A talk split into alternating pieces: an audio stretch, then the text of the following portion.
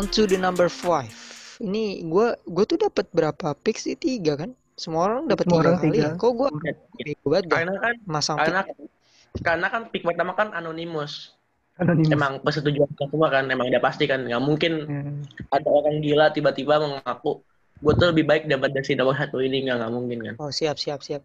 Oke, karena semuanya dapat tiga pick, jadi gimana kalau Jibril pick nomor 5 Who you got? Top Lima 5 nih masuk ke dalam top 5 player of the Lima ya. season. Who you got? Gue speechless gue nggak tahu mau milih siapa. Aduh ya Allah. Hancur, Udah- hancur. Udah, udah, udah mulai Gara-gara sulit ya. Janis nih, gara-gara Janis Iya, dia. Ini udah gara-gara mulai Janis nih. ngaco Gara-gara ini. Janis nih bangsa nih Janis emang. Karena- Kalau misalkan gue naruh pemain yang modal modal ngegendong tim menang doang nanti dianggapnya kayak Jamal Murray gue dianggapnya kontroversial, bias doang. Sedangkan kalau gue naruh nama pemain yang seharusnya ada di lima tapi mereka tuh cuma karena jago doang gue ngebohongin diri gue sendiri gitu. Serba salah gue. Semangat. Who you got? Gue bakal taruh The Beard, Yes sir. Aku setuju. Aku setuju. James Harden lebih baik daripada Janis. Ini mungkin bukan pick gue, tapi mungkin ini anonymous vote kita bertiga juga ya selain nomor satu ya. Alasan Yep. gue naruh itu karena eh eh, apa ya?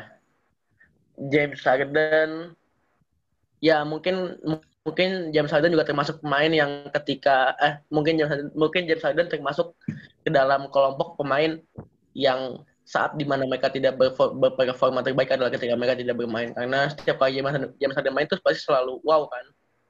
Selalu Yep, wow betul. banget kan James Harden.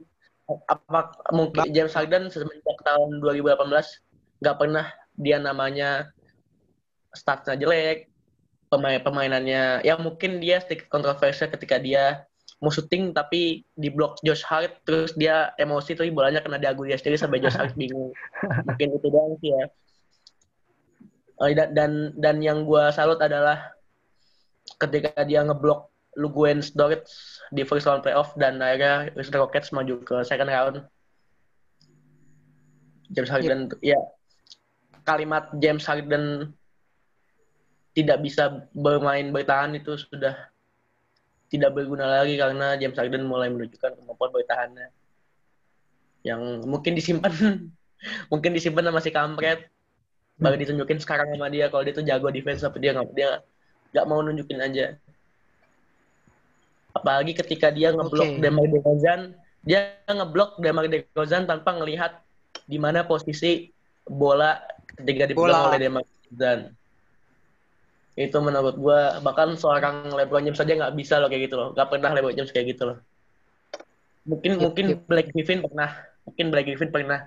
Tapi itu kan hang time ya Black Griffin hang time Yep. dengan James Harden ini kondisinya dia, dia didorong sama Demar Derozan dan dia kayak anjing songong banget dorong gua gua pakai bola aja dan wow James Harden luar biasa Setuju, Mungkin setuju. mereka jangan- Eh, mungkin makanya James Harden itu hampir sama kayak LeBron James. LeBron James tuh mungkin secara defense lebih tinggi, tapi dia tuh nunjukin kemampuan defense yang luar biasa ketika momennya yang membutuhkan Pas. harus bermain defense Betul, gitu. Itu betul. harus pas. betul, betul, betul. Iya. Setuju, setuju. Karena menurut gua James Harden gak bisa defense itu adalah salah satu mitos terbesar di NBA sih Iya, sekarang. benar. Karena gue Iya, merasa benar. he's good, he's good as defense sebenarnya, tapi dia lebih mencondongkan kepada sisi offense. 34 Iya, points per iya. game. Musim Iya. lalu 35, 36, 36 sorry. Malam Back to malam. back 30 30 plus points per game itu menurut gue adalah salah satu achievement yang mungkin kita nggak akan bisa lihat lagi 10 tahun ke depan, ya kan? 15 tahun ke depan. So, menurut gue James Harden adalah salah satu jika bukan pemain ofensif paling terbaik di NBA saat ini karena Iya, iya. oke masih ada LeBron, there's still Masih ada AD. Giannis, tapi Iya. kalau kita ngomongin sisi offense, bener-bener offense, James Harden ini unbeatable, unbeatable. Yo. Siapa yang Iya. bisa jaga dia? Move-nya dia oke lah. Cuma cuman Ra- Russell Westbrook doang yang bisa jaga dia. Ngambil bolanya ya. Buat, Ngambil- buat ngambil bolanya bola, buat nggak megang bola. Iya. Iya, jadi kalau gue sih pribadi James Harden tuh kayak apa ya? Kan dia ngomong Giannis tuh cuman bisa tersirat sih, cuman bisa lari-lari. Sebenarnya kalau kita bisa ngomong James Harden tuh cuman bisa step back step back kan. Tapi Iya. nggak ada obatnya. Setuju nggak sih? Dia itu nggak ada obatnya, nggak ada yang bisa. Ya, Semua orang tahu dia bakal step back ke kanan, shootnya tangan kiri. Semua orang udah tahu itu, tapi nggak Udah ada yang bisa berhenti ada yang Harden. bisa mengantisipasi ada. gitu. Masa masa ada. itu Terus dia- nggak Nggak ada. Udah banyak Nggak banget momen-momen James Harden step back dan itu termasuk step back momen terbaik di season itu. ngedrak lah. Iya kan? Jadi kita kita ya gua gua gua pribadi secara gua musim lalu musim lalu tuh 18 19 ya berarti. 18 19 Iya. gue megang Harden untuk MVP. Walau dia nggak menang. Dia musim ini scoring champ lagi. Scoring champion. Nomor kali tiga betul dia ya. All Star starter juga, All NBA first team juga. Jadi gue merasa Yap. oke, it's fair untuk Jibril walaupun dia tidak menggendong Rockets ke ke next round ya karena menurut gue problemnya is not in Harden. Kita semua bisa setuju Westbrook is the problem, tapi kita semua harus ya gua Sebenarnya gua gua problemnya bukan itu, Ray. Problemnya bukan itu. Problemnya itu ada pelatihnya. Karena oke Mike dia tidak bisa karena sebenarnya small ball bisa menang lawan Lakers tapi pelatihnya itu bego. Dia yang pengen Oh, small siap. ball tapi dia bisa mem- memanfaatkan small ball dengan baik. Gitu Oke. loh. Oke. So kalau gue pribadi ya, kalau Giannis di 6 sih kalau gue pribadi akan naruh Harden di 4 sebenarnya. Kalau Giannis di 6 ya. Nah itu. Karena menurut gua Harden tuh bagus loh sebenarnya memang dia Iya. selama di Rockets orang-orang tuh lupa ya katanya Harden tuh nggak bisa playoff kalau di playoff. Dia tuh playoff perform loh tapi Iya. dia tuh selalu melawan tim-tim yang lebih kuat daripada dia. Gue yakin kok kalau Rockets jadi jadi iya jadi- kalau Rockets nggak ketemu Warriors waktu zamannya KD Curry dan lain-lain gue yakin Harden bisa ke final. Yakin gue jadi serius? Jadi Thunder lebih kuat daripada Rockets. Em, kan pada zaman itu Harden ke finalnya sama Thunder ya. Cuman gue merasa bisa kok Harden nih ke final. Cuman kalau tadi Iya, eh, Dia- dia tuh Dia dapat lawannya right eh, timnya pas, tapi timingnya salah. Dia Yap. dia berada di tim yang tepat di time yang salah. Salah banget. Jadi gue merasa iya. is- Untuk jadi 2000 untuk 2020 apakah waktunya pas? Tidak. salah karena dia lawan LeBron dan Iya, dia Bukannya tim- dia timnya dia nggak punya center Oh, oh, kan. oh. Jadi Oh, iya, sorry, sorry. ya kan lawan LeBron, lawan LeBron, Westbrook lagi bau, dianya mereka mati-matian. mereka lawan OKC first round aja gue udah kaget loh. Nah, iya Game itu. 7 bisa survive karena Iya kan, kan game 7. Stephen Adams sama Danilo Gallinari aja tinggi, udah tinggi gitu loh. Nomor 45 mereka kan Danilo Gallinari sama Stephen Adams ya, sedangkan nomor 45-nya Rockets kan Covington sama Tucker, PJ Tucker ya. Yep. Nah, gue Yep. kaget loh mereka bisa survive karena memang eh, dua pemain dari tanda ini kan kemampuan reboundnya bagus gitu, sedangkan Mhm. Rockets kan ya karena main small ball jadi ya benar Yep. kata Ray sih gue setuju waktunya salah aja maksudnya ya selain karena mereka ketemu sama pemain tim dengan big man yang bagus karena pelatihnya juga sampah dia dia sendiri yang bikin small ball tapi nggak bisa manfaatin small ball dengan baik kalau misalkan emang main small ball ya main di luar lu lu lu terobos ke dalam kalau udah kosong karena percuma lu terobos ke dalam kalau misalkan masih ada center kayak gitu buat apa lu main small ball Hmm. tapi lu terobos ke dalam sedangkan center lawan masih ada di dalam buat apa gitu loh Dan itu lu- ada mas- masalah masalah Rocket sebenarnya mereka juga bau kan three point-nya. Jadi Iya. gue sih kalau kalau sebenarnya menggendong tim Harden tuh sebenarnya menggendong Rocket sejak 2016 malah. Bahkan Iya, ini benar. pas kita rekaman tuh 8 tahun lalu itu dia baru di trade dari Thunder ke Rockets yang menurut gue adalah salah satu trade terbaik dekade kemarin. Rockets tuh dapat Harden tuh adalah m- match made in heaven lah, anugerah lah. Harden tuh bagus, Harden tuh bagus. Gue gue perlu walau dia rada songong ya dan lain-lain dia suka koki. Tapi gue Iya, benar. gue I love his I love his game dan lain-lain. Jadi gue setuju dengan James Harden being in number 5. So, mari kita lanjut. Apakah akan ada bracket yang hancur?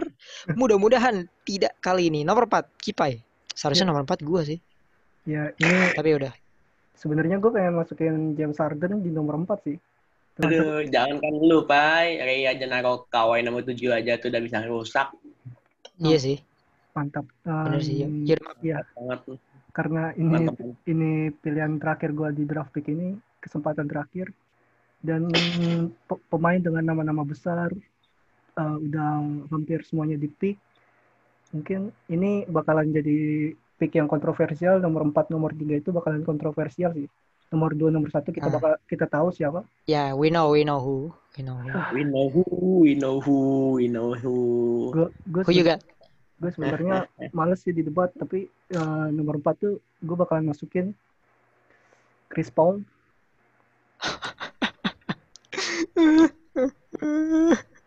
Iya, iya, iya. iya. Iya. Sebentar, sebentar, ya. Sebelum kita ngedebat, kita dengerin dulu penjelasannya Kipar ya. Oke, iya sure sure. Gue cuma Gua juga udah- bereaksi aja.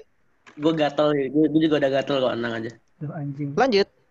Uh, gue nggak tahu sih kenapa milih uh, Chris Paul. Nggak bohong. Gue tahu uh, karena uh, di regular season regular season dia bagus nggak ya? Average. Average, average. Eh, stan, stan, untuk seorang veteran Standar. yang bukan Uh, iya untuk guard dia punya 17,6 poin per guard. Uh, dia poin per game 5,0 5,0 ribuan per game 6,7 assist per game itu rata-rata lah ya. Tapi yang gua Iya, rata-rata. uh, garis bawah itu dia bisa ngebawa Thunder sampai sejauh itu bahkan bikin Iya. ya benar benar benar benar. mungkin eh, kita lihat dari sisi timnya yang kurang yang masih berisi pemula banyak rookie Iya iya. tapi dia bisa menggendong sejauh itu gua Hmm. bakalan milih eh, poin eh, kalau gua dapet eh, pilihan siapa poin guard favorit itu gua bakalan milih Chris Paul dan gua bisa bilang gue bisa bilang kalau eh, LeBron James kita tahu IQ mungkin basketball IQ-nya tuh tertinggi atau terbaik tapi nomor dua gue bakalan pilih Chris Paul gitu sih Iya iya iya. Oke oke. Benar benar benar benar. Gimana Kay? Lu atau gue Well, gimana Kay? Gue sebenarnya nggak sih, mau ngedebat sih. Gue cuma mau ngasih sisi positif dan sisi negatif dari Chris Paul Oke. aja dilihat dari pil- pemilihan Kipai gitu yuk sih. yuk maju sini Oke. yuk Mungkin gue dulu sih, karena gue setuju. Gue setuju dengan Chris Paul ada di top 10. Tapi mungkin sebagai top 5 player of the of the season gue super disagree karena impactnya kita kita setuju lah. Setuju lah kita. Gue Mhm. masukin Chris Paul di top 10 tuh itu adalah salah satu keajaiban sebenarnya karena kalau ngeliat dari stats B lah, B banget. Mhm. Bahkan gue bisa nyebutin banyak pemain yang statsnya lebih bagus daripada ini, tapi impact dan lain impact sih lebih kelihatan di impact aja sih sebenarnya Chris Paul dan bahkan dia adalah pemain terbaiknya Thunder. iya Eh, ada sih orang yang ngomong Shai Gilgeous Alexander enggak, Chris Paul men. Chris Paul tuh ada again gue nggak setuju dengan dia sebagai top 5 player, tapi kita harus setuju kalau impact yang dia kasih itu lebih daripada Jimmy Butler, impact yang Mhm. dia kasih itu lebih lebih daripada Jamal Murray, Nikola Jokic. Jadi gue merasa impact Chris bayangin ya sebelum musim berma- berlangsung Thunder tuh chance di playoffnya 0,8% according to E ESPN. Gue Iya. pribadi prediksi Oklahoma City Thunder finish di posisi 13 13 di barat. Berarti kan dia sudah mematahkan banyak persepsi orang. Iya, Dan gue gitu. merasa ah Chris Paul udah tua lah. Chris Paul udah gue ya ini gue pribadi Chris Paul. Udah- terus pas gue lihat di regular season oh man dia nggak mainnya pun juga nggak sejelek itu. Bahkan di playoffs dia lebih bagus statsnya kecuali assist. Karena mungkin Thunder lawan Rockets ya waktu itu. Mhm. distribusi bolanya tuh lebih ke big man. Chris Hmm, Paul tuh benar. lebih bagus di playoff ya kan? Walau dia nggak pernah muncul di conference final karena main di Clippers. Eh dia All Star juga All Star juga dia main di menit-menit terakhir kalau kalian ingat iya, iya. LeBron James dia dia faktor lebih milih lebih milih Chris Paul dibandingkan Luka Doncic di Hmm. menit-menit terakhir di final. Itu kenapa? Karena Chris Paul itu pemain terbaik ketika berada di clutch time. Ya. Chris Paul is Iya. clutch. Jadi gue setuju dia di top 10 walau gue sedikit disagree kalau dia di top 5 tapi eh, again dia all NBA second bukan all NBA third all NBA second berarti dia sama Damian Lillard punya Iya. impact yang sama-sama sebesar itu untuk timnya. Jadi fair enough sih sebenarnya Ah, untuk menempatkan Chris Paul. Ya, wait. Impact ya impact. Sorry Bro Iya, iya. Eh, bentar. Gua em, kalau gua boleh bertanya ke Renner mungkin kalau lu 1 sampai 10 lu bakalan nempatin Chris Paul di mana? Karena tadi kan lu gue sih bilang di Ah, Karena tadi lu bilang kan Chris Paul uh, masuk top 10 lu tapi nggak Mhm. di top 5 mungkin di nomor berapa? Sembilan, sembilan. Menurut gua Sembilan. ya, menurut gua Damian Damian Lillard lebih sedikit bagus dibandingkan gua kan gua naruh Lillard di Hmm. 8 kan. Mhm. Menurut gua Lillard lebih bagus. Eh, tadi Lillard 8 kan ya? Siapa yang Lillard naruh Lillard di gua, 8? gua, gua. Kipa ya. Nah, Kipa yang naruh di 8 gue setuju. Chris Paul tuh sebenarnya di 9 menurut gua karena Lillard eh mungkin impactnya Chris Paul sedikit lebih gede tapi Lillard kan jauh statsnya, Iya. accolades-nya Hmm. dan lain-lain. Jadi kalau gue pribadi, gua f- fair banget kalau sebenarnya Chris Paul tuh ada di posisi 9 sebenarnya. Kalau gua di situ. Oke. Mungkin karena Chris Paul presiden NBPA jadi kita berusaha membuat Chris Paul tempat terbaik. Betul, betul, Nah, betul, gua, betul. gua, gua tahu perasaan lu, Pai. Gimana rasanya ketika seorang pema seorang pemain yang juga merangkap presiden dari National Basketball Player Association, kalau misalkan dia di- ditaruh piket yang jelek, mungkin itu akan memberikan memberikan sedikit disrespect kepada Chris Paul karena kita tahu ya Chris Paul itu termasuk yang mem- memberikan pen- penengahan ketika debat pemain di hotel Betul. Betul. Betul. Tapi emang eh, plusnya dari Chris Paul adalah dia ya benar bahkan bahkan ada meme ada meme yang yang ka- kata kalimatnya Chris Paul bermain level veteran di Thunder, Stephen Adams memimpin di rebound karena Westbrook tidak ada, Shai Gilgeous Alexander breakout season, Okase akan uh, menyelesaikan season di peringkat 13. Itu menurut gue sebuah disrespect yang Yep. lebih gede dibanding Wash, Wash King gitu menurut gue. Betul, Disrespect betul. banget. Tapi dalam, dalam satu momen OKC Thunder posisinya bisa lebih tinggi dibanding Houston Rockets. Sangat sangat Mhm. tipis sih waktu itu emang. Tipis Empat seat emang. loh, iya. Jangan lupa empat seat loh, empat seat. Menang kalahnya tuh beda tipis banget tuh. Bahkan sama. Bahkan sama atau menang kalahnya sama. Tapi kan OKC lebih duluan naik ke peringkat 5. Jadi OKC peringkat 5, Houston Rockets peringkat 6. Padahal sama tuh menang kalahnya sama tuh kalau nggak salah. Dan Hmm. juga kalau misalkan lo ingat dulu Chris Paul sebelum sebelum bahkan sebelum Chris Paul pindah ke OKC ya, dia tuh cuma sekedar pemain yang jago doang tapi nggak ada yang membangga- membanggakan dia gitu waktu dia masih di New Orleans Pelicans eh di New Orleans Hornets sorry sorry Ya. waktu dia masih di New Orleans Clippers, Rockets. Clippers gitu Dia tuh kayak Isaiah Thomas nggak sih? Kayak pemain jago tapi iya nggak ketika ada nggak ada iya yang ketika hire dia. Wait, wait, wait. Enggak. Who's Isaiah Thomas? Isaiah Isaiah Thomas Thomas Detroit. Mana? eh, Isaiah. Thomas Boston Celtic. Oh, Boston. iya iya Hmm. ya mungkin bisa jadi kayak gitu karena memang eh, apa ya Chris Paul itu kemampuannya ti- tidak terlihat karena tertutupi pemain Nah. yang lebih jago di dia Iya, itu Yep, harus yep. harus dan harus sekarang dia menjadi seorang pemain veteran jadi pemimpin dan kalau misalkan lu pernah lihat eh kem- eh, possibility pemain untuk masuk Hall of Fame current player current player itu cuma dua yang 100% LeBron James sama Chris Paul padahal Hmm. kalau ingat dulu Chris Paul tuh biasa aja biasa aja tapi sekarang Chris Paul berhasil menempati peringkat kedua wow. eh, probability masuk Hall of Fame di bawah LeBron sama-sama 100 bahkan seorang Stephen Curry aja 90 berapa? Sembilan sekian. Kevin Durant 99 Ya, Itu gue merasa itu itu sih impact yang dikasih Chris Paul tuh dia ya itu kayak dia selalu outshadowing sama pemain-pemain misalnya. Dia di Clippers. ada Black Griffin muda ya kan waktu itu. Semua orang lebih Iya. suka Black Griffin. Semuanya lebih suka dunk Iya. dibandingkan flashy passes. Chris Paul tuh cuman ngasih pas ke ke Black Griffin. Di Rockets udah ada Harden. Semua orang tahu lah Harden MVP dan segala macam. Iya. Sekarang di Thunder siapa yang mau dijagoin Chris Paul udah 36 tahun dan lain-lain. Pasti Thunder tuh cuma lottery team. Sekarang Iya.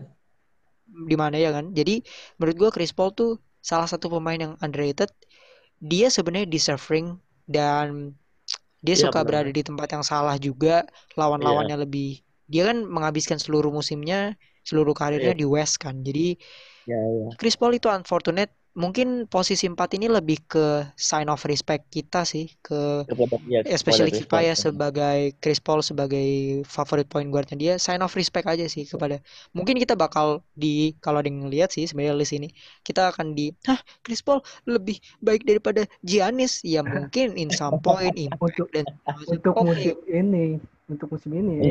Oke, ini. Chris Paul itu cuman ini ending di mungkin- first round ya.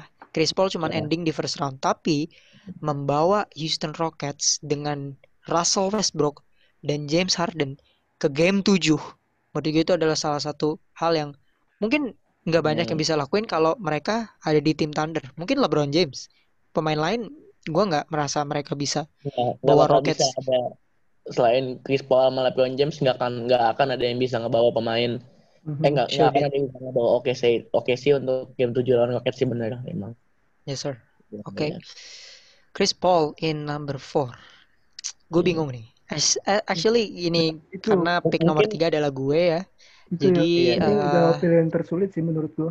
Pick ini nomor pilihan tiga. tersulit karena originally gue punya nomor 3 tuh sebenarnya between ada Giannis sama AD, tapi gue nggak merasa ada pemain yang lebih baik satu spot daripada AD. Jadi kalian tahu lah AD ada di posisi berapa. Mhm. But I'm gonna. I'm gonna put nomor tiga siapa? Ya? Nomor nomor tiga siapa? Ya? sebenarnya ya sebenarnya gua nggak Iya. merasa pemain ini lebih lebih baik daripada Giannis dan James Harden untuk musim ini. Musim depan sudah pasti ya teman-teman karena dia adalah MVP musim depan. Luka Doncic. Luka Doncic udah pastilah nggak mungkin. Hopefully MVP musim depan ya Yap, gua gua prediksi doi MVP musim depan. Karena gua nggak ada pilihan lain ya. Karena gua nggak ada pilihan lain so originally gua naruh Luka itu di top 5 di posisi kelima.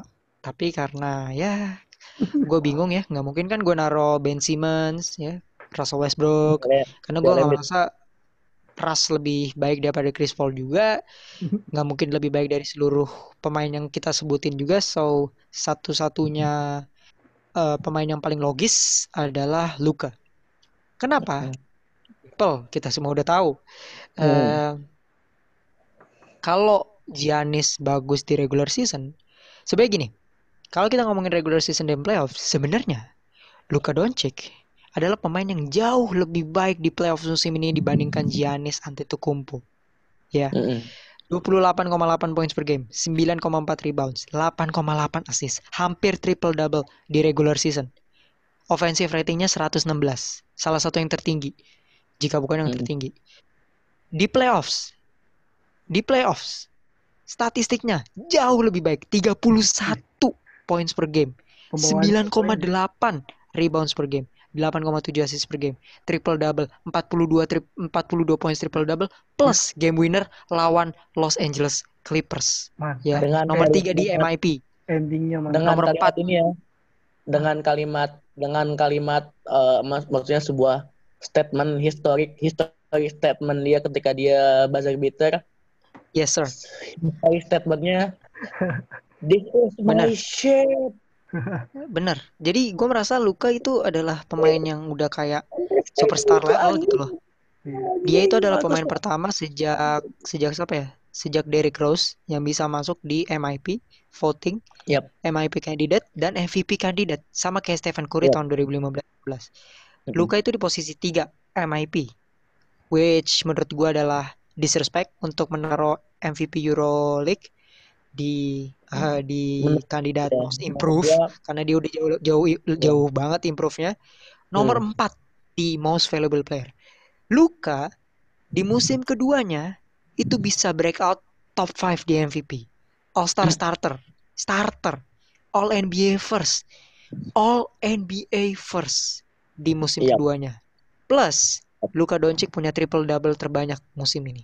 Easy. Yap. Menurut gua untuk menempatkan Luka walaupun menurut gue pribadi Yap. Giannis sedikit lebih baik dalam hal accolades tapi kalau kita boleh setuju Luka Doncic itu kalau Clippers nggak punya Kawhi Leonard Luka Doncic bakal lawan Nuggets di Iya.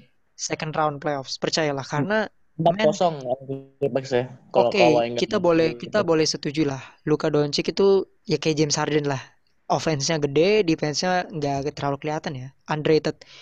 Tapi dia ngelakuin ini di musim keduanya, di usia dia yang cuma 21 tahun, 20 bahkan Iya. 20 tahun Luka Doncic ngelakuin ini menurut gue ini adalah hal yang out of the world gitu. Gue berani ngomong dia MVP musim depan karena dia pasti bakal lebih baik daripada ini, supporting cast-nya pasti bakal lebih baik, ya kan, daripada ini. Jadi gue merasa eh ceilingnya, atapnya Doncic ini masih jauh banget.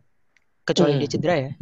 Atapnya nih masih jauh, jauh banget, jauh banget. Dia bisa jadi pemain terbaik di dekade ini 2020-an, dia bisa jadi MVP, Champions mungkin, who knows. Jadi gue merasa tidak ada pemain selain LeBron, selain AD yang lebih baik daripada Luka Doncic musim ini overall regular season sama di playoff. So Ya. angkat topi untuk pemain favorit gue sekarang. Iya. Sebagai fans Haleluka, sebagai Ale member Luka. dari Haleluka Organization, gue juga setuju. Gue juga setuju karena eh, banyak pemain di umur muda yang jago, tapi Yep, sedikit sekali pemain muda yang ngegendong timnya. Contoh di season ini selain Luka Doncic ada Jason Tatum ngegendong timnya menjadi seorang penggendong ya ibaratnya. Mulai Hmm. dari segi stats, kemudian impact, leadership, dari segi memberikan semangat. Terus ada Donovan Mitchell.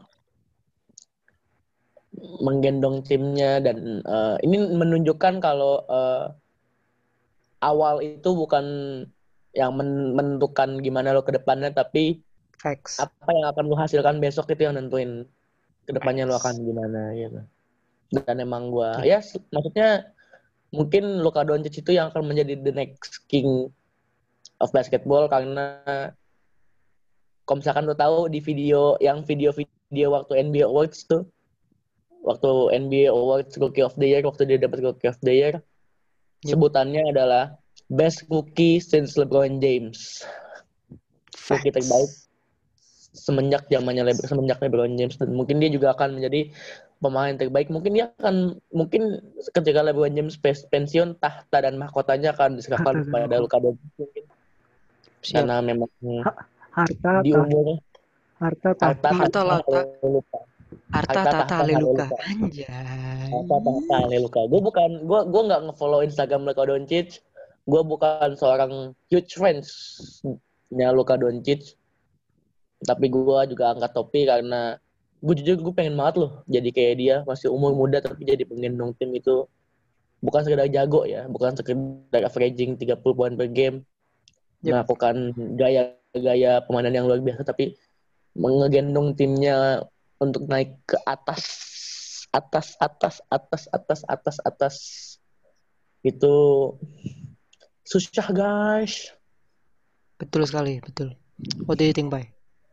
Eh, cukup setuju sih eh, top 5 apa Luka Doncic ada di top 5 tapi menurut gua ya too early dia di posisi nomor 3 tapi ya balik Oke. lagi ini draft pick kita nggak bisa nentuin harus eh, nomor berapa kita picknya jadi ya cukup setuju untuk trainer memasukkan Doncic Oke. Luka in top 3. Udah ada top 3 players. Udah 7 pemain yang kita pick. Banyak kontroversi dan segala macam. We go down in final two, which we know who. Tapi again, kita harus punya stance kenapa kita memilih mereka sebagai the best, if not the best duo in the league right now. Bril, number two. Yap. Nomor dua, gua akan menaruh, uh, gua akan pick uh, the best teammates of the king, the best sidekick of the king, Dwayne Wade. Anthony Davis. Oh twist Teammate, sidekick, rekan setim, member duonya LeBron James yang terbaik. Selain karena satu, dia bisa averaging point per game lebih tinggi dibanding LeBron James. Dua, dia bisa ngangkat, dia bisa menjadi backupnya LeBron James. Bahkan ketika LeBron James dan Lakers tidak mendapatkan odds yang cukup tinggi untuk meraih posisi NBA Finals ya. Bahkan mungkin kan waktu awal season Lakers itu kan masuk NBA Finals nggak nggak nggak dapat banyak prediksi yang gede gitu ya kalau lihat prediksi dari Hmm. ESPN dari mana-mana.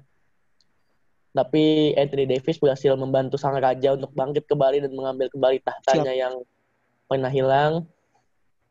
Dan gua dan kenapa gue bilang AD tim teammates LeBron yang terbaik karena apa yang dilakukan AD tidak pernah bisa dilakukan oleh Kyrie, Dwayne Wade, Chris Bosh, Kevin Love, J.R. Smith, Tristan Thompson, Ya, Zidrun Apa yang dia Nasir, lakukan? Apa yang dia lakukan?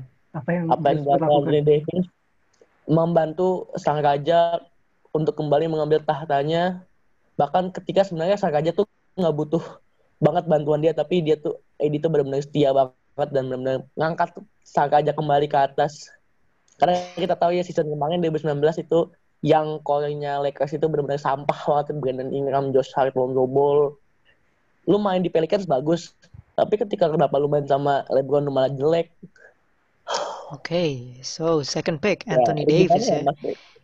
Gimana ya? Maksudnya AD itu beda aja gitu dibanding teammates teammatesnya LeBron James yang lain gitu. Oke. Karena memang eh, apa ya? Ya mungkin karena dia juga pengen punya cincin juara, jadi dia itu benar-benar ngebantu LeBron James banget.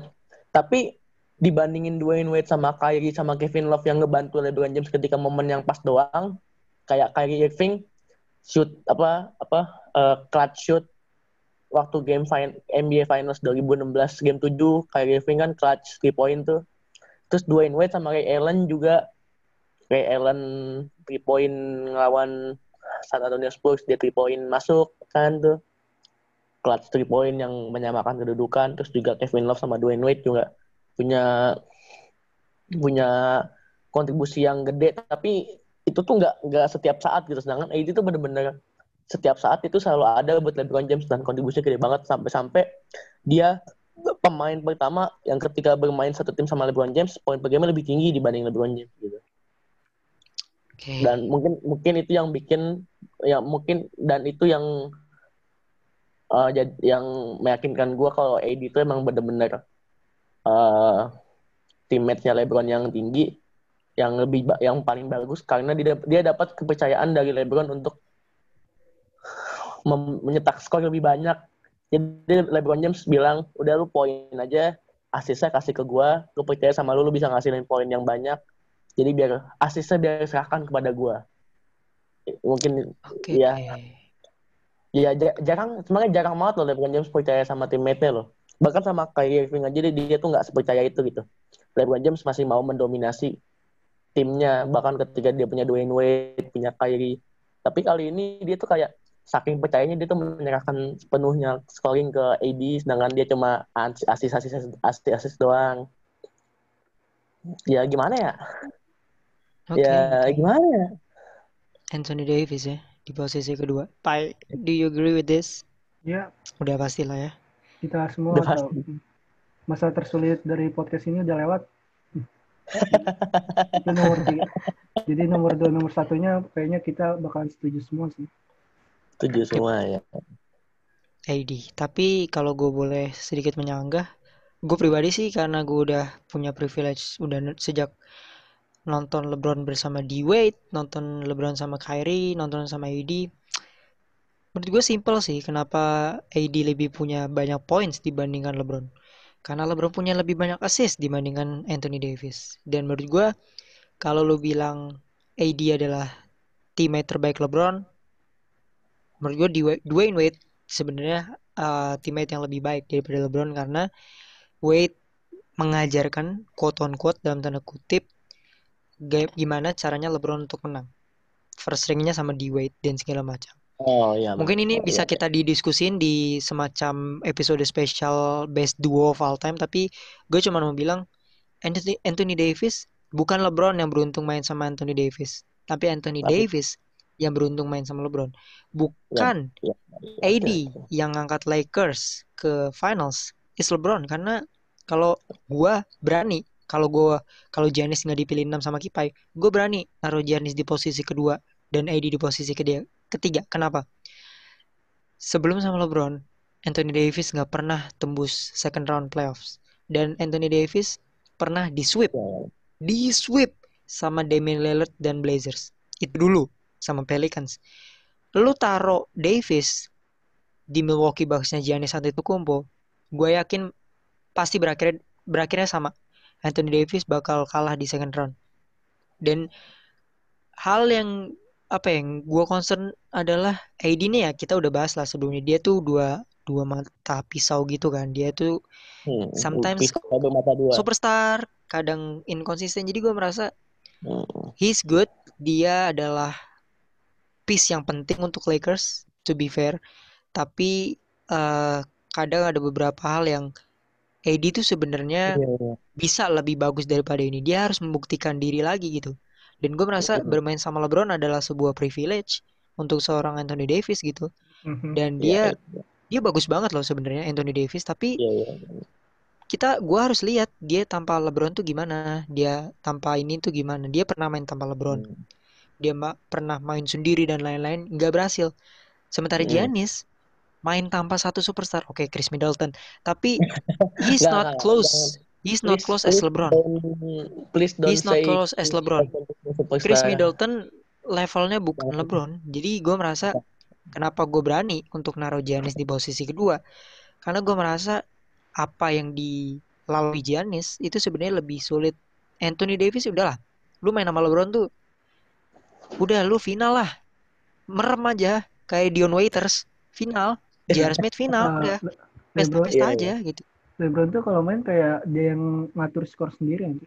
Dia mau menang, dia mau yes yes Iya. dan kalau Jibril ngomong Anthony Davis bisa poinnya di atas LeBron ya karena LeBron asisnya 10 double digit mereka cuman beda 0,8 poin per game dan di final LeBron tetap balik lagi Iya, statistiknya Tetap lagi. di atas semua orang kan jadi gue merasa Anthony Davis musim depan kalau gue pribadi gue naruh dia di Giannis sebenarnya tapi karena dia di posisi kedua fair fair kok dia lebih baik dibanding pemain-pemain yang kita sebutkan tadi tapi he needs a lot time to prove lagi untuk Ya, benar, bermain benar. tanpa LeBron Atau masih at muda least. dia, masih 26 At least. tahun. dia masih 27 28 dia di prime-nya 27 ya? sekarang Di prime, 27 iya. tahun. dia di prime prime Anthony Davis sekarang jadi gue pengen lihat dia seberapa besar impactnya terhadap tim yang dia gendong sendiri. Dia first seed all star starter juga all NBA first team all defensive first team nomor 2 di DPOY NBA champion. Statistiknya juga sebenarnya sama Giannis ya 11-12 walau Giannis lebih baik. Jadi gue merasa Davis is good pilihan yang baik nomor 2 tapi kalau gue pribadi Anthony Davis sebenarnya Giannis lebih baik musim ini. Tapi Davis angkat topi dia satu-satunya pemain yang bisa menang NBA champion NCAA kampus Olympic gold sama Piala Dunia basket so props to Anthony Davis he's a winner Iya. Hmm. Mhm. Ya, bak- Oke. bahkan kalau ingat 2012 dia menang yang US lawan Spanyol ya, dia tuh masih belum masuk NBA, belum belum belum belum masuk NBA tapi udah ngerasain menang ya, hampir di Olympic hampir betul. pemain timnas USA yang dia juara juara itu FIBA ya 2012 Eh, eh Olympic Olympic Olimpiade. Olimpik ya 2012 itu pemain hampir nggak ada pemain timnas Amerika Serikat yang juara Olimpik ataupun FIBA World Cup ketika dia belum main di NBA jadi Anthony Davis tuh sebenarnya masa dari mulai masa muda udah cemerlang sih kayaknya maksudnya udah wow banget gitu Oke. Ya, shout out to Anthony Davis. Ya, kita berharap bisa melihat lebih dari dia musim depan. Lebih dari 26 points per game. But, kita sudah selesai dengan 10 sampai 2. Banyak pemain yang miss out.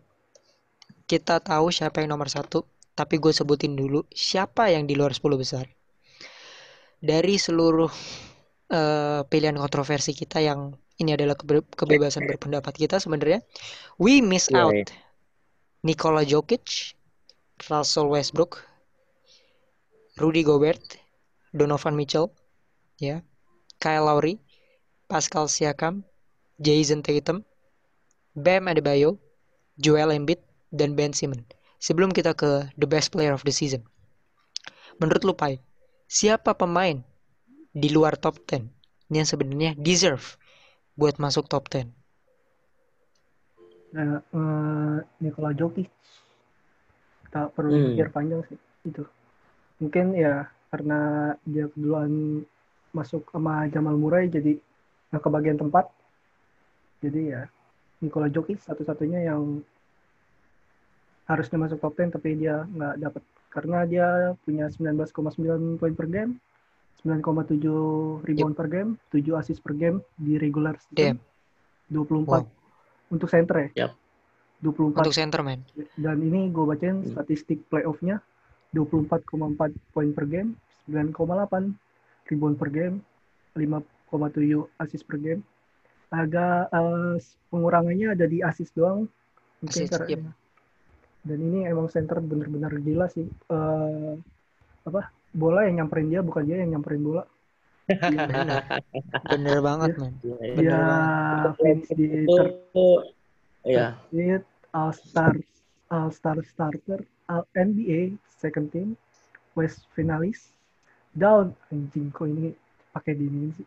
Most rebound in playoff 22 itu, yang 22 rebounds per Hmm. game dan dia comeback dari down 3-1 dua kali. Pak eh, Yap. mohon maaf ini nanti next time down 3 to 1 comeback twice-nya mungkin ya nggak apa-apa sih Ya, maaf ya. Memang itu harus diungkit terus. Kita harus kawal. Sebelum ke Jibril, gue Iya. juga setuju. Nikola Jokic itu sebenarnya di pilihan gue tuh dia nomor 6. Nomor yang di mana Kipai menaruh Giannis Antetokounmpo. Dan sebenarnya no brainer sih. Gue bingung kenapa Nikola Jokic belum kita sebutin dari tadi. Karena to be fair, ketika Jibril nyebutin Jamal Murray, gue bingungnya bukan karena Jamal Murray-nya. Karena gue merasa, aduh, Nikola Jokic ini bakal ada di posisi berapa nanti karena Mhm. berarti berarti secara kita memilih, kita memilih Jamal Murray sebagai pemain terbaik Denver Nuggets musim ini. Di saat Nikola Jokic adalah All-Star starter, All NBA second, All NBA second ya, All NBA second ingat. oh star starter ya bu All-Star starter Nikola Jokic, All NBA second. Nikola Ya- Nikola Jokic all star all star starter Mhm. Hmm, Bukan- as far as I know sih dia starter sih. bukannya starternya all star West itu Luka Doncic Oke. James Harden James Kawhi Leonard Anthony Davis ya Oke, berarti I miss tapi berarti dia All-Star. Oke, Hmm. tapi Iya, setidaknya dia All-Star. All-Star. Jamal Murray bukan All-Star. Melihat Iya, dari Ya, mungkin itu Statsnya kesalahan pun- gua Iya, salahin gue juga sih itu. Gue yang eh Eh, statistiknya Yaudah, itu solid. selain gue aja gue yang 20 points per game ya kan. 97 rebounds, 7 assist. Untuk seorang center, men, 7 assist ya, untuk seorang center. Jadi oke, Sebenarnya- kita mungkin kenapa tuh? Bukan dari statsnya sih tapi dari kemampuan dia untuk memberikan pas yang bagus itu yang digaris bawahin. Karena cuma dia itu satu-satunya center yang bisa memberikan pas yang bagus. Ya bukan cuma bagus doang bahkan mungkin pas yang ini cuma bisa dilakuin sama point guard gitu.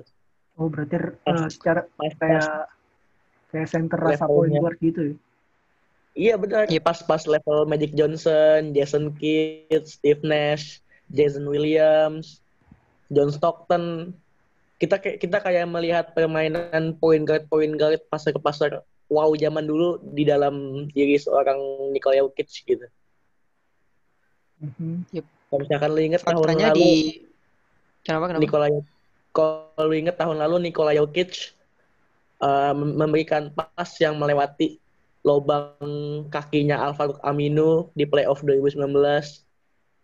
Pasnya itu untuk Paul Millsap. Dia pasnya ngelewatin kolongnya Alvaro Aminu. Kalau misalkan ikutin adat-adat istiadat adat istiadat orang Adat Indonesia itu istiadat. kan harusnya Alvaro Ya. Aminu salim ya ke Nikola Jokic Oh, siap, karena siap. bolanya lewat kolongan. nutmeg nutmeg Yap, emang betul, betul. Nikola Jokic emang gue gue kalau misalkan Nikola adalah, Jokic di Indonesia eh, itu pengen di- di- gitu. di pre-draft kita tuh kita naruh Nikola Jokic loh sebenarnya, tapi kita tidak menyebutkan satu Iya, nama pun. Bahkan orang yang paling tinggi naruh Jokic itu adalah Jibril di posisi keempat di pre-draftnya dia. Tapi dia Iya. malah memilih James Harden di posisi kelima ya. Jadi still eh menurut lu Bril, lu setuju nggak dengan Jokic adalah pemain terbaik yang tidak kita sebutkan hari ini? Setuju, setuju, banget, setuju banget. Setuju banget ya. Dia bukan dia bukan lagi big ass guy tapi dia benar-benar nunjukin kalau dia tuh pantas menjadi salah satu pemain yang dipertimbangkan gue jadi untuk persaingan ketat season untuk persaingan ketat di liga besar seperti NBA dia tuh pantas menjadi pemain yang diperhitungkan gitu. gue jadi ingat pas pertama eh, pas awal-awal Clippers kena beliau delete sama ini meme si anjing ini muncul Oh. mulu anjir the fat guy Meme Iya. meme-nya yang di Hmm, foto masa kecil ya. anjing Iya iya. iya. muncul mulu di Twitter Facebook Instagram. Bangsat. untung untung untung ya untung iman gue kuat saat itu coba kalau mungkin gue udah bunuh diri kan gara gara-gara the fat guy ini. Ya mukanya Iya, di mana-mana ya. Hmm. Oke, so Nikola Jokic di posisi 11 lah, unanimous. Dan sisanya mungkin akan kita sebutkan nantilah di Instagram Eh, honorable eh, mention ini. ya.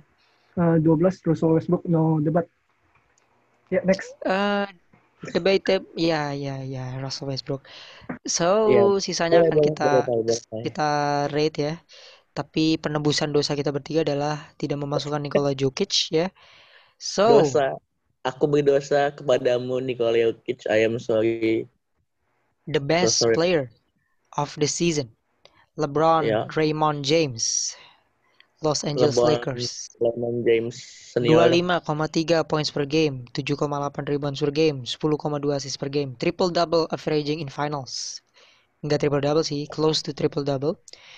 Assist champ musim ini, nomor satu seed, All Star Captain, tim LeBron juga. All NBA First Team, nomor 2 di MVP, Finals MVP, dan NBA Champion. Plus LeBron punya rekor musim ini adalah pemain dengan assist terbanyak di playoffs 18. Jibril, Yap. waktu dan tempat dipersilakan. Well, nothing to say. I just wanna say congratulations to my king. Now you just you just redeem yourself. Lu udah berhasil menakluk mengambil kembali tahta lu yang pernah hilang, tahta yang pernah dicuri oleh orang-orang tidak bertanggung jawab, namun Oh, lu siap. tidak mempermasalahkan itu ke pihak berwajib lu menunjukkan kepada dunia kalau you're the true king of basketball lu mungkin bukan goat tapi lu memang benar-benar seorang raja memang you're the you're the true king and it's a huge honor for me to play under your shadow maksudnya dalam artian Anjir, Andre Shorty. Kayak Kyrie dong. sebuah kebanggaan banget buat gue gitu bisa bermain di bawah kepemimpinannya LeBron James bisa belajar dari dia bisa men lu kalau misalkan lu lihat ekspresinya dia dia itu benar-benar bahagia banget juara NBA men. Jibril gimana rasanya ketika lu bertahun-tahun menguasai hmm, sebuah hmm, peradaban dan hanya dalam satu aku- waktu. aku semua itu jadi- hilang tapi lu ambil lagi itu semua gue tuh rasain banget emosinya dia gue bener-bener Hmm, gue bahkan sampai gue bahkan sampai nangis loh waktu Hmm. nonton. Kalau misalkan lu tahu NBA ngerilis video di YouTube ngupload video di YouTube NBA Champion since Hmm. 2000 dan emang emosi itu dapat banget gila. Emang bener-bener emang bener-bener LeBron James tuh emang pemain yang luar biasa. Jibril so sweet banget. He aku jadi be aku jadi mau nangis. Jadi jadi pengen nangis anjing. Oh, Oh. tayang, tayang. Hmm, kamu, kamu so sweet Oke, banget. Kamu Ya, so sweet. seksual nomor satu. buat LeBron James uh, keep the spirit keep the power Kita harus acknowledge ya apa yang dilakukan oleh LeBron musim ini. He fight against all odds. Kita udah ngomong di episode 8 sih. Uh, no need for the further ado, tapi Mhm. again sebagai assist champ, sebagai All NBA First Team dan lain-lain, Finals MVP, empat Finals MVP, empat regular season MVP, empat NBA champion, salah satu accolades yang mungkin orang tidak kebanyakan NBA players bisa melakukan ini ya dan only Michael Jordan yang punya lebih dari ini Ah, dan mendapatkan LeBron di salah satu perbincangan GOAT adalah hal yang paling make sense. Ini ini cuman ya ini hanya res-resan LeBron lah sebenarnya untuk ada di top 10 player of the season dia he is the undisputed king kayak gue bilang di episode lalu. Undisputed king ya, raja terakhir. Um, kita tahu in the end orang-orang bakal ngomong "Eh, LeBron be, be, be, Wash King eh, year 17 tua tua dan he keep answering pemain dengan prime mungkin terlama sepanjang sejarah NBA Ya. paling deket tuh Karim dan lain-lain tapi gue merasa Ya. LeBron Prime-nya dia tuh dari prime-nya LeBron James tuh dari rookie sampai sekarang lah nih 17 Iya. tahun dia tuh prime terus. Panjang 17 tahun karirnya dia prime tuh terus ya. prime terus kalau lu mau lihat. siap siap Gue bukannya bias ya, gue bukannya ngebela raja gue tapi emang dari tapi stats memang bias asu. tapi memang dia dia dari stats selalu ini sih selalu Konsisten. Konsisten ya, Bril? Iya, dia tuh termasuk dari pemain-pemain yang selama karirnya bermain di NBA nggak pernah rata-rata poin bagaimana di bawah 20. yes Itu mantep banget mantep banget. cuman LeBron, MJ sama Kevin Durant yang nggak pernah kayak gitu. Dan eh, ya, gue rasa tidak perlu banyak explanation tentang ini ya. Kita semua setuju. Semua orang mungkin di dunia ini setuju kalau LeBron James adalah pemain terbaik musim ini, menghitung regular season, menghitung playoffs. Nomor 2 di MVP, ya kan, Finals MVP, dia hampir punya musim yang sempurna. Ya, walau COVID, tapi tidak menghalangi LeBron mendapatkan ring nomor 4. Oke, so recap, recap, recap. Top 10 player of the season dari plus minus musim ini. Ada Jimmy Butler di posisi 10, Jamal Murray di posisi 9, Damian Lillard di posisi 8, Kawhi Leonard 7, the MVP himself, Giannis Antetokounmpo berakhir di posisi 6, James Harden 5, CP3 Fitri. di keempat, Haleluka Doncic di ketiga, AD 2 dan The King himself ada di posisi satu. So that's all from today's episode. Tapi sebelum kita berakhir, ada satu list lagi yang akan kita bicarakan Bahas sedikit bicarakan tentang top 5. Top 5. Tadi Jibril, siapa yang nyinggung-nyinggung gue tuh siapa ya tadi ya? gua Jibril ya? Atau gue? Atau siapa? kita berdua. Tapi kita nggak akan ngomongin GOAT dan segala macam ya. Kita cuman menembak aja siapa masing-masing dari kita menyebutkan top 5 Hmm. players Aku. of all time. Aku aku Oke. aku, aku dulu aku dulu Dan aku, ini sebenarnya adalah aku dulu sebenarnya ini aku, aku apa? Personalis, tapi kita harus harus eh, objektif mungkin. Ya, kita bukan top 5 favorite player ya, top Mhm. 5 NBA players of all time. Berarti ini lima pemain terhebat NBA sepanjang masa. So, karena sudah meminta, Kipai, silakan. Your Um, top 5 player of the all time. ini gua nggak kasih nomor ya gue cuma kasih nama aja jadi Oh kalian siap, gue suka nih. jadi kalian bebas berasumsi uh, atau mungkin bantu komen untuk menjawab ini jadi gue uh, untuk pertama kali untuk ya gue bakal nyebutin Wild Chamberlain Magic Oke. Johnson Michael Jordan Kobe Bryant LeBron James LeBron. Yes. Oke. Fair, fair, fair, fair list, oke? kalian bakalan bingung gitu Strong, strong list. Oke, Bril. bingung masukin mana siapa Gua kedua ya. yoi Ya, gue setuju sih sama Kipai, setuju, setuju. Emang lima pemain yang Kipai sebutin itu emang eh, bahkan mereka deserve untuk masuk ke GOAT debate sebenarnya. Emang Mhm. ya, pak, emang emang cocok lah, cocok. cocok uh, Lah, top 5 players of all time emang cocok. Will Chamberlain rata-rata poinnya 50 poin per game, bos. mantap Yo, ibu. Satu season. Yoi, Satu season. Gila nggak tuh? satu season 100 50 poin. per game. Satu game. 100 poin. Satu game. Bahkan di waktu dia umurnya udah 40 tahun dia pernah mau dikontrak sama tim apa? Di kontrak, Eh, Brooklyn Nets, isn't it? kontrak cuma untuk Jersey playoff Nets. doang. Cuma Iya. untuk playoff doang di kontrak. Gila sih. Wow. Ya, per- percakapan GOAT itu emang kadang di luar nalar sih. Iya, betul betul.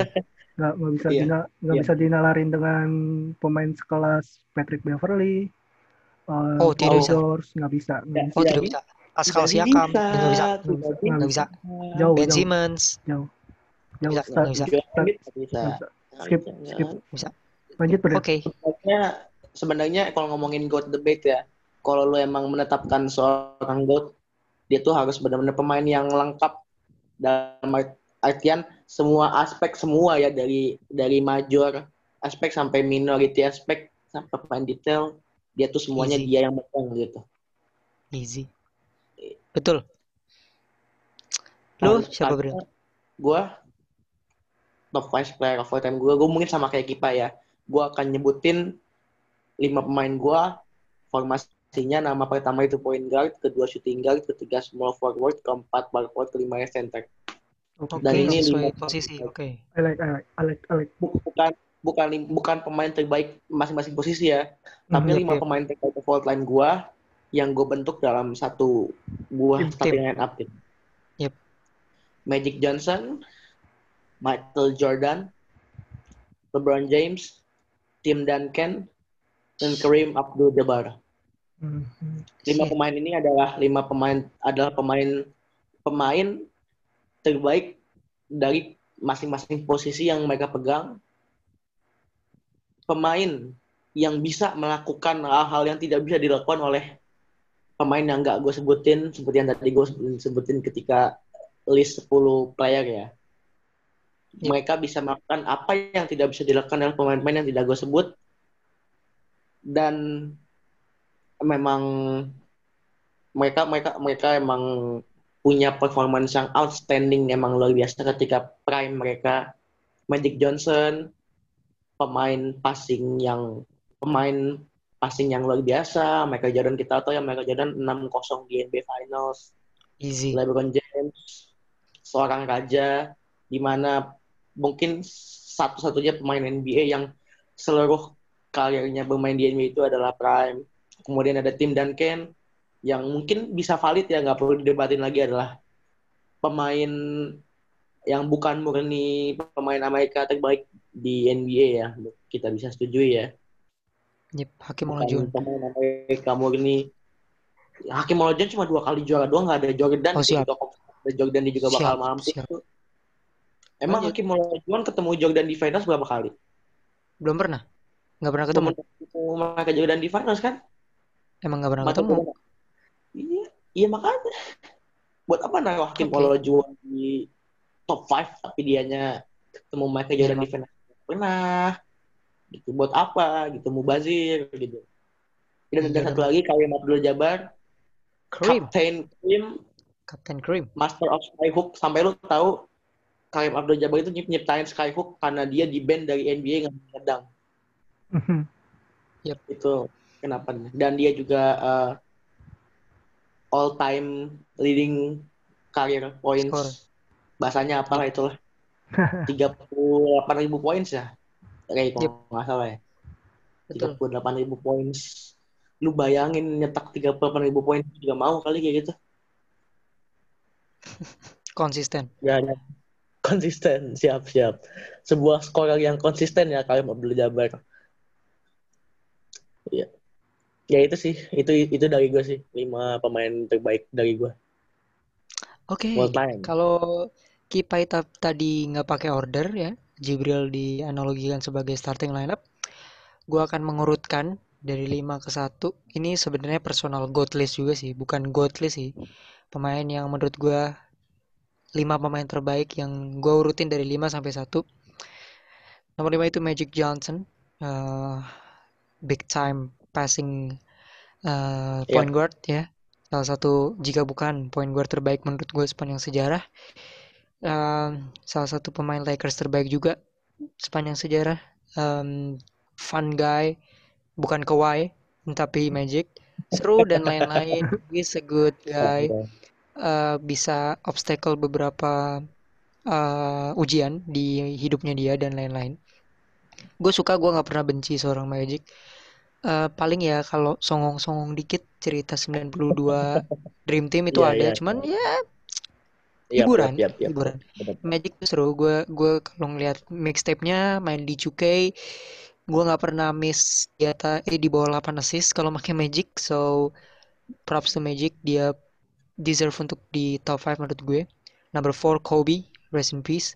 Um, mungkin terlalu low ya, tapi gue punya alasan untuk menempatkan Kobe di 4 karena um, for some people Kobe adalah top 3 bahkan GOAT-nya mereka, tapi gue merasa influence-nya dia cukup dia bermain juga cukup bagus. Jordan 2.0 bahkan lebih baik kadang dan Hmm. dia punya mentality yang gila eh, kalau ada di timnya dia dia bisa main pakai role yang bagus dan lain-lain ya kan dia nggak harus jadi Yap. scorer kadang dia bisa Mm. jadi defender Eh, dia main two-way dan segala macam Kobe adalah paket komplit menurut gue untuk seorang guard ya shooting guard. Shooting guard tuh Kobe komplit. Lu kalau mau shooting guard di tim lu you either have Jordan kalau nggak punya ya udah Kobe sikat. Kobe Yap. easy. Pemain Lakers terbaik menurut gue sepanjang masa Kobe Bryant. Number three Kareem Abdul-Jabbar easy. Orang-orang kalau di GOAT debat tuh suka ngelupain dia. Padahal dia Yap, tuh. Orang yang punya segudang prestasi lah six time Iya. champion if I'm not Iya. mistaken five MVP-nya juga banyak Five. Oh. Finals MVP Iya, dia juga punya ya kan Iya. punya lah dia tuh Mm. sebenarnya punya segalanya cuman alasan orang adalah eh Karim tidak bisa main kalau tidak ada Magic tidak ada lain-lain I I don't give a shit lah pokoknya tapi gue merasa gue salah. Magic sama Big O nggak bisa menang kalau nggak ada Karim salah. Yes yes yes. Itu Iya, bisa kita- kita Tuh. develop ke episode GOAT ke depannya tapi gue sih I pick Karim dia all time leading Kareem. scorer juga. Walaupun Captain pernah Kareem. scoring scoring scoring title satupun em, punya move paling gak bisa dihentikan sepanjang masa which is the famous skyhook dan lain-lain. So Kareem Abdul-Jabbar di top 3 number 2 number 1 Berarti Number two, LeBron. LeBron James, um, obstacle-nya seluruh karirnya yang gua amat sukai sebagai fans basketball. One of the bersama Dwayne Wade yang mengenalkan gua ketika gua nonton 10 tahun yang lalu ketika dia pindah ke Miami Heat dan selalu menghibur, nggak pernah mengecewakan gue sekalipun. Pernah sih, cuman nggak nggak segede itu. Dan selalu menjawab kritikan walaupun tahun 2011 tidak. Tapi again em, LeBron adalah pemain yang all around paling komplit. Pemain Hmm. paling komplit menurut gua. Kalau lo kalau punya tim gua nggak hesitate buat ngambil LeBron sebagai pemain pertama. Karena easy dia bisa main di mana pun. 1 2 3 4 5 lu bisa naruh dia di mana pun. Bisa naruh dia eh, bertahan lawan siapa pun komplit lah. Nggak mungkin lu ngambil LeBron di tim lu kalau lu jadi general manager tuh nggak mungkin. So LeBron comes second. And the greatest player in my opinion still Michael Jordan. Um, he's I- bigger the than anything. Bigger than anything. Bigger than basketball. Kalau LeBron bilang bigger than athlete ya bigger than basketball Michael Jordan is bigger than basketball Valentino Rossi-nya basket ya um, Pele-nya Ya, ya. basket. Hmm, siapa ya eh who else yang basket. lebih dari sport ya banyak lah pokoknya. Eh ketika lu sebutin basket satu nama yang terlintas adalah Michael Jordan Jordan. Dan Ya. punya sepatu em, signature Brand shoes. brandnya dia sendiri dan lain-lain. Bukan bukan cuma signature shoes doang tapi udah jadi brand, brand brand men, jadi dan yang lain-lain luar biasa terkenal. di dalam lapangan winner nggak pernah kalah di final. Sepanjang karir dia final apa pun itu. Um, six times MVP five actually. Six times finals MVP dan lain-lain. 10 kali scoring. Gue merasa dia adalah pemain yang ketika ketika lu adalah lawan Jordan dan lu ngeliat Jordan keluar dari tunnel gue langsung cabut Hmm. dari lapangan melihat kalau tim gue pasti udah bakal kalah, men.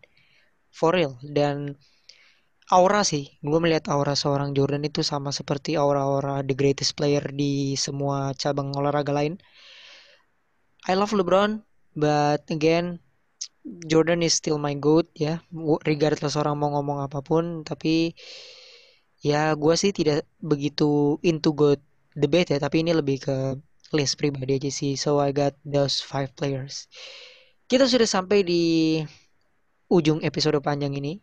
Mungkin akan ada dua part ya, karena sangat-sangat panjang. So basically, um, I just want to say thank you untuk yang dengar sampai sejauh ini kita masih ada satu episode reguler lagi untuk menutup season kedua. Sebelum kita menuju ke season ketiga, we still have something in the back. Masih banyak. Gue dan Kipai dan Jibril masih akan kembali dengan sesuatu yang lebih banyak. Kita juga akan banyak sekitar dua bonus track yang akan kita upload lagi ya. So, yep. buat kalian yang tidak setuju dengan list tadi, it's okay to follow us di podcast plus minus. DM us kalau mau ikutan rekaman. Kita di episode 10 masih punya banyak things yang akan kita bicarakan. So, in the end of this episode, jangan lupa untuk dengerin satu episode lagi yep. di podcast plus minus yang akan kita upload di saat ulang tahun dari Plus 62 Network yaitu di tanggal 13 sorry 17 November. Stay tune on our podcast. Jangan lupa di follow di Spotify dan bikinnya pakai Anchor ya. Jangan lupa kalau dengerin iklannya. So, man Mr. Reinhardt bersama Rizky Emandan, aka Kipai, dan LeBron Jibril. Kita signing off. See you guys.